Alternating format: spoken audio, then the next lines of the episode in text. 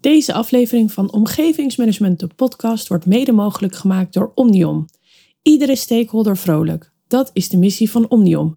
De Omnium Omgevingsapp ontzorgt aannemers, ontwikkelaars en overheden met hun projectcommunicatie.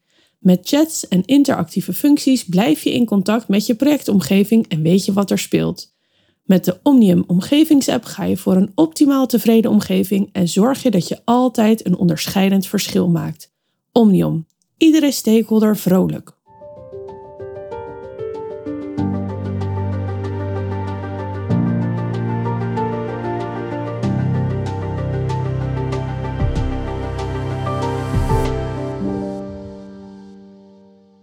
Welkom bij een nieuwe aflevering van Omgevingsmanagement, de podcast. Mijn naam is Carlijn Bergsoef en mijn gast van vandaag is Luc Keller. Welkom, Luc.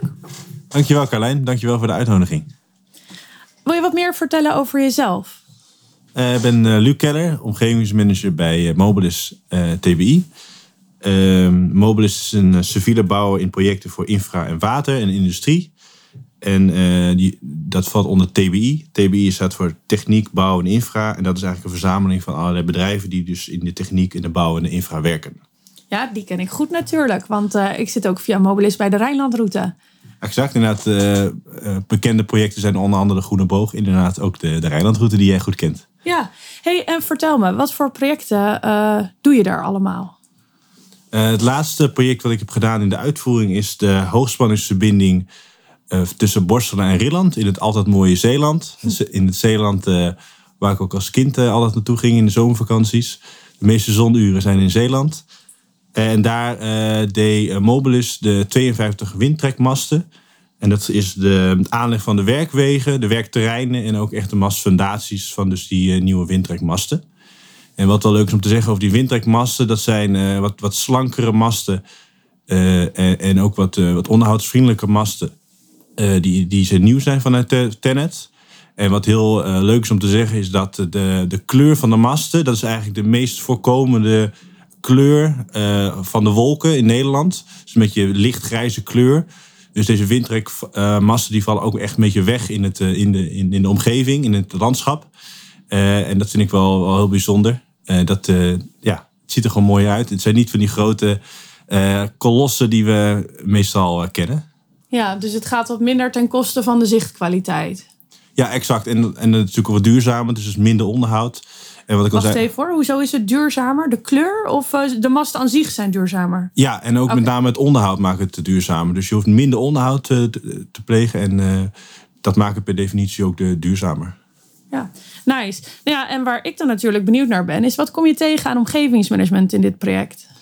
Uh, qua omgevingsmanagement heb ik me met name bezig gehouden met de, de vergunningen, met de NGE, dus de niet gesprengen explosieven, archeologie en ook eh, de bodem, met name bodemsaneringen. Uh, en ook het uh, contact met het bevoegd gezag. Dus denk aan Rijkswaterstaat, ProRail, Tennet. Maar ook met name de perceeleigenaren van dus die 52 windtrekmasten. Dus elk perceel heeft zijn eigen eigenaar. En daarmee heb je dus ook contact. Want je leent als het ware voor een tijd, een periode, leen je dus zijn land om daar dus die windtrekmast, die fundaties te bouwen. Ja, leuk. En, en ja, nou, waar ik dan wel benieuwd naar ben, wat, kun je wat vertellen over de grootste uitdagingen die je daarbij tegenkwam als omgevingsmanager? Uh, ja, een aantal dingen die ik, die ik wel heel leuk vond in het heel project specifiek hiervan, is dat uh, ten eerste er heel veel gebombardeerd is tijdens de Tweede Wereldoorlog. Dus oh. qua NGE hebben we echt wel veel vooronderzoek gedaan. We hebben ook een aantal dingen gevonden die nog uit de Tweede Wereldoorlog waren. Dus voordat we echt die masvinatie gaan, gaan maken, doen we dus conditionerende onderzoeken. En bij die NGE-onderzoeken vond ik het wel heel bijzonder om te zien. Je kan dus ook echt nog zien waar dus die bommen hebben gevallen vanuit de bureaustudie.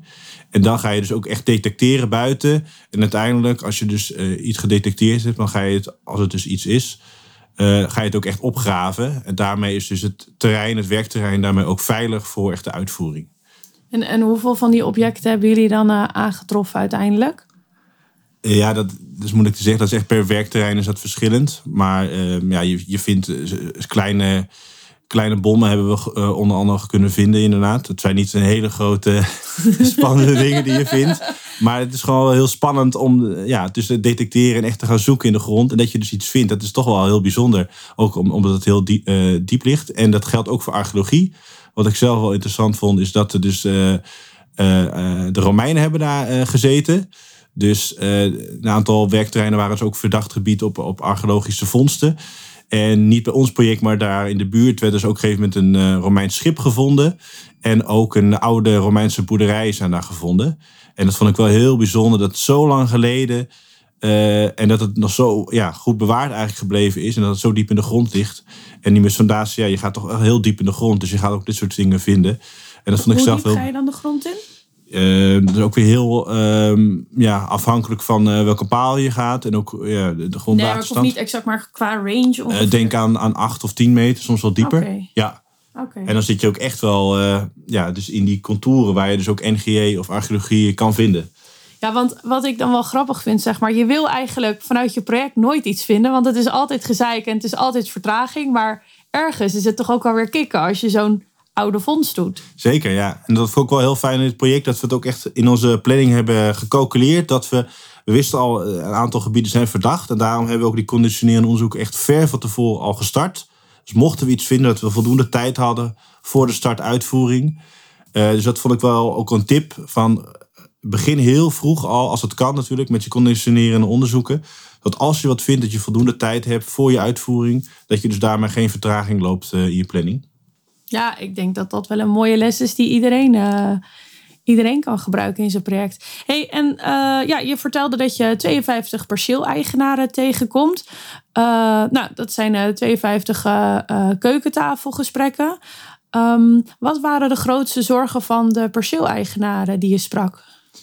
Um, ja, na 52 keer eigenlijk een mini-projectje, zoals ik het wel een beetje ervaren heb. Um, dus je gaat uh, met die, in het perceeleigenaar heb je zogenaamde keukeltafelgesprekken. Dus je gaat elkaar leren kennen eerst in eerste instantie. En daarna ga je dus uitleggen, eigenlijk werkafspraken maken voor de komende periode dat je dus uh, daar ook aan het werk bent.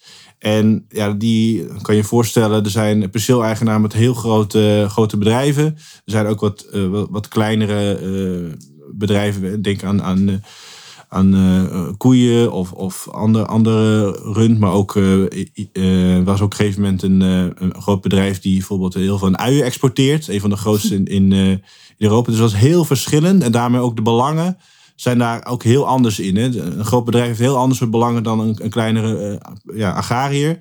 Zou je misschien een voorbeeld kunnen geven?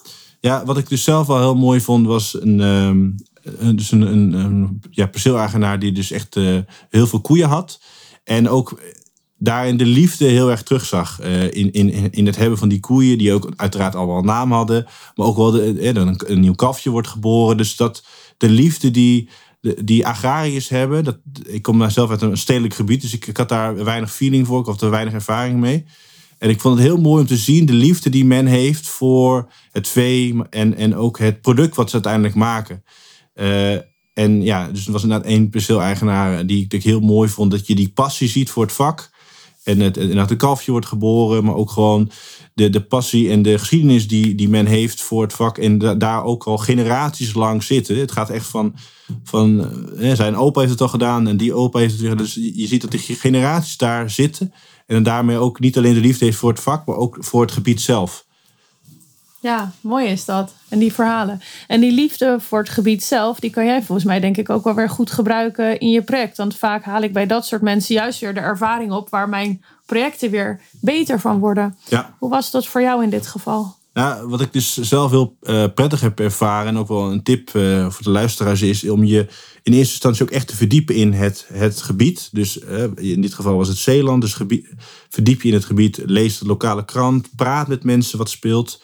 En ga ook niet meteen inhoud in. Dus eerste gesprekken ga je gewoon kopje koffie drinken. Uh, met een bolus. Met een Zeeuwse bolus inderdaad. of je neemt hem mee. dat is ook inderdaad uh, altijd goed binnenkomen als je die meeneemt. En leer hoe die persoon is. Leer over zijn familie. Leer over het agrarische leven. Zodat je ook echt iemand kan begrijpen wat zijn belangen of wat zijn zorgen mogelijk kunnen zijn. En vanuit daaruit, van die relatie die je eigenlijk opbouwt. Vanuit daar ga je echt uh, naar de inhoud. Vanuit daar ga je echt naar die werkafspraken. Maar dan is de relatie ook goed en dan kan je ook beter begrijpen waar ze zorgen zijn en daarmee ook eerder wegnemen. In die zin denk ik ook dat het uh, twee kanten op werkt, want uh, bekend maakt bemind.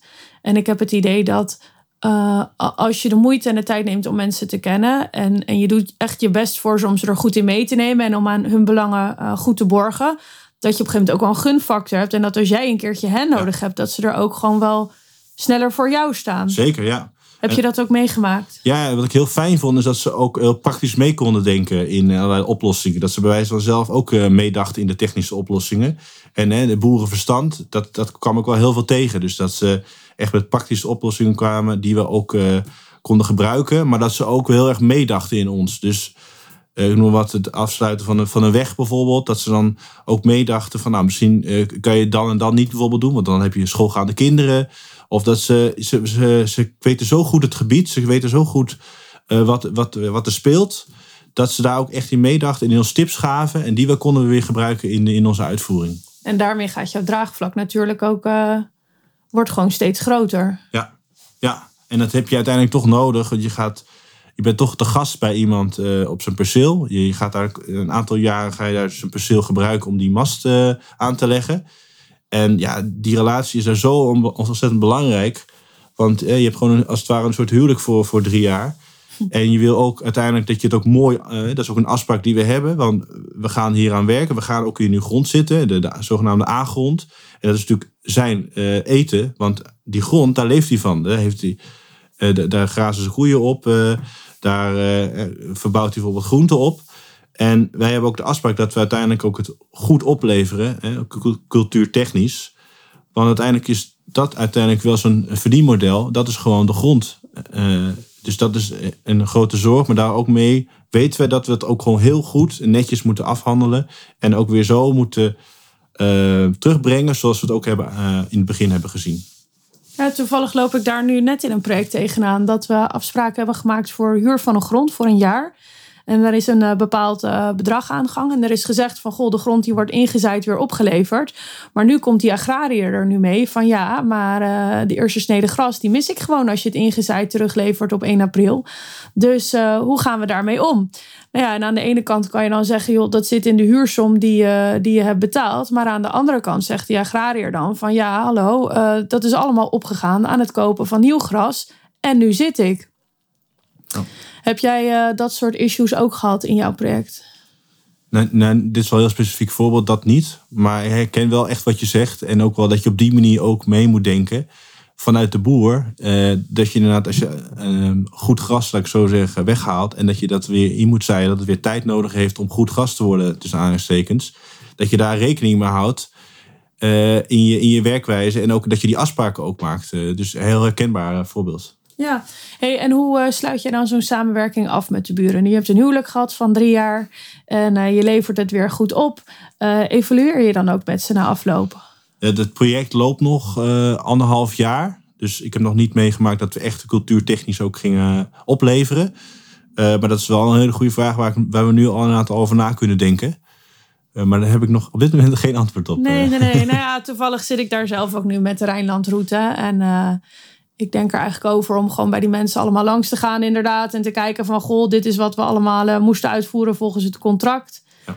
En ja, toch even terugkijken. Ik heb het dan met een wijkraad laatst gedaan. En je merkt dat mensen, de grootste tegenstanders die zich 17 jaar hebben bezig gehouden met een weg, dat die uiteindelijk toch wel kunnen zeggen van goh, dit ging goed. En uh, dit zou ik volgende keer anders doen, maar dat je toch een evenwichtig verhaal uh, uh, van de mensen krijgt. hey, en we hadden het net even over de boeren.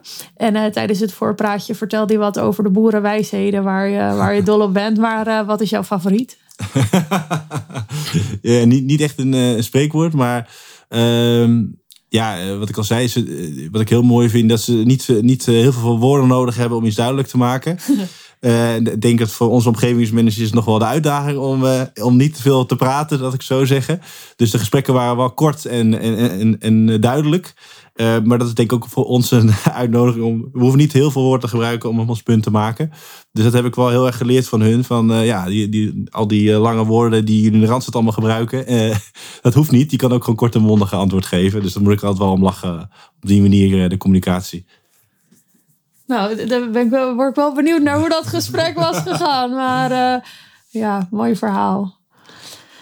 Ja, even kijken. Um, wat ik nog wel heel graag uh, wil weten van je. Je hebt het al een beetje meegegeven van... Goh, verdiep je goed in het gebied waar je naartoe gaat. Heb je nog andere dingen die je mee zou willen geven aan collega-omgevingsmanagers? Nou, ik denk toch wel... Uh, ons, ons vak, want dat is het gewoon, omgevingsmanagement... is echt in dit geval... Daar heb ik het ook gezien bij dit project... is zo ontzettend belangrijk... en ook zo'n grote succesfactor voor het slagen van je project. Uh, wat ik al zei, je hebt 52 keer heb je die masten. Dus het eigenlijk technisch gezien, het is natuurlijk allemaal wel, wel uh, complex, maar tegelijkertijd doe je ook wel 52 keer hetzelfde. Maar omgevingsmanagement heb ik echt gezien, is het sleutel tot succes. En ook uh, het maakt het verschil in de beleving, maar ook het nakomen van afspraken. En, en ja, dat vind ik wel heel mooi. Dan kunnen we ons ook wel wat, misschien wat meer verkopen binnen de projecten. Dat omgevingsmanagement hangt er toch soms een beetje bij. Maar omgevingsmanagement is zo belangrijk, zeker in stedelijke gebieden, maar ook in agrarische gebieden, eigenlijk in heel Nederland en alle projecten. Dat ons vak is zo belangrijk. En ja, verkoop het ook wat meer, in zekere zin.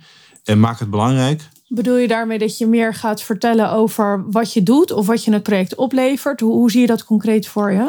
Nou, ik, ik soms merk ook wel, ik, probeer ook met de uitvoering bijvoorbeeld mee te denken. En uh, ik denk dat omgevingsmanagement, het zal mooi zijn als we ook wat vaker uh, aansluiten bij technische overleggen met contractmanagement. Want ik merk, we hebben zo'n uh, veel raakvlakken, onze werkzaamheden, zoveel raakvlakken met al die verschillende disciplines. En we kunnen ook wel echt wel onze meerwaarde in, in hebben. Ik denk bijvoorbeeld aan vergunningen. Er wordt heel vaak vanuit de techniek wordt gedacht van hoe, zo gaan we de fasering maken.